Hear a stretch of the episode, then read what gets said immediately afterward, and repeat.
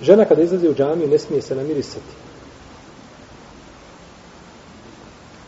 Jer je rekao poslanik sa osanem kako došao od Isa Abdullah ibn Mesauda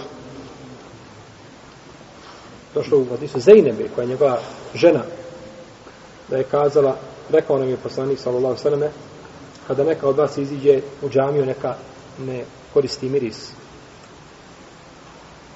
i rekao je poslanik sallallahu sallam nemojte braniti Allahovim robkinjama da izlaze u džamije i neka izlaze nenamirisane nenamirisane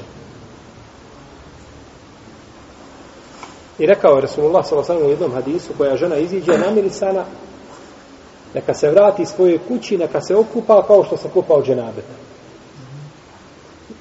Kaže, pe inne hazanije, ona je nemoralnica.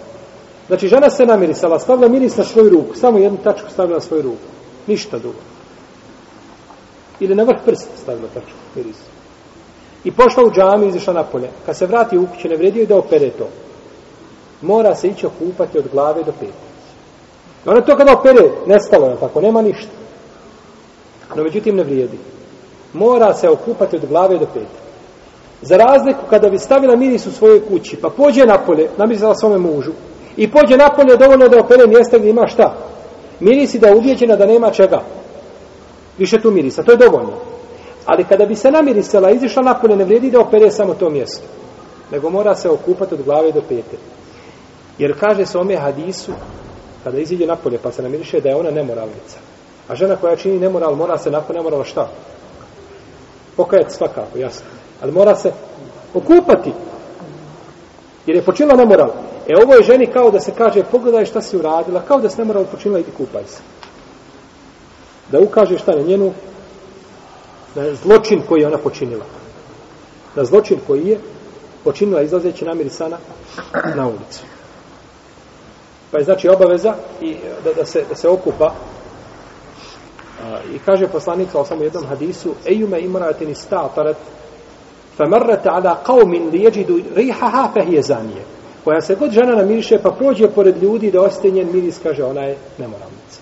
Ona je nemoralnica. Pa je zabranjeno ženi da, da izlazi u džamiju, ako je zabranjeno da ide u džamiju na mirisanje, gdje se Allah obožava i gdje dolazi se, gdje nema miješanja muškaraca i žena i kako je dozvoljeno da se namiriše i iziđe na pijecu.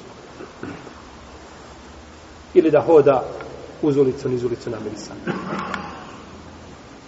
Dalje, da se ne miješa sa ljudima kada se ulazi u džamiju, kada se izlazi i zbog toga je poslanik sa osanem kada bi predao selam sačekao bi kratko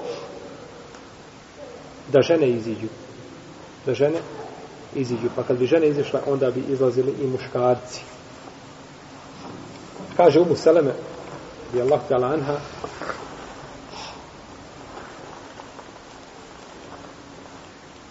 kada bi poslanik sa osam predao selam, žene bi ustale i izlazile iz džamije, a on bi ostao kratko sjediti na svom mjestu prije nego što ustane.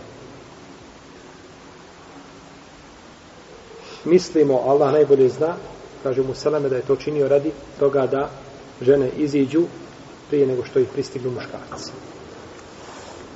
I ovu predaju bilježi vam Buhari u svome sahiju. Znači pa je, e, iz tog razloga je poslanik Seleme zabranio ženama da dižu glave sa seđdi prije muškarca. Žene koje klanjaju u istoj džami i nije zabranjeno da žene klanjaju u istoj džami za muškaraca. Tako se klanjalo u vrijeme koga? U vrijeme poslanika. To nije zabranjeno, ali je odvajanja ako postoji mogućnost bolje, svakako. No, međutim, ako bi žene tako klanjala, nema smeta.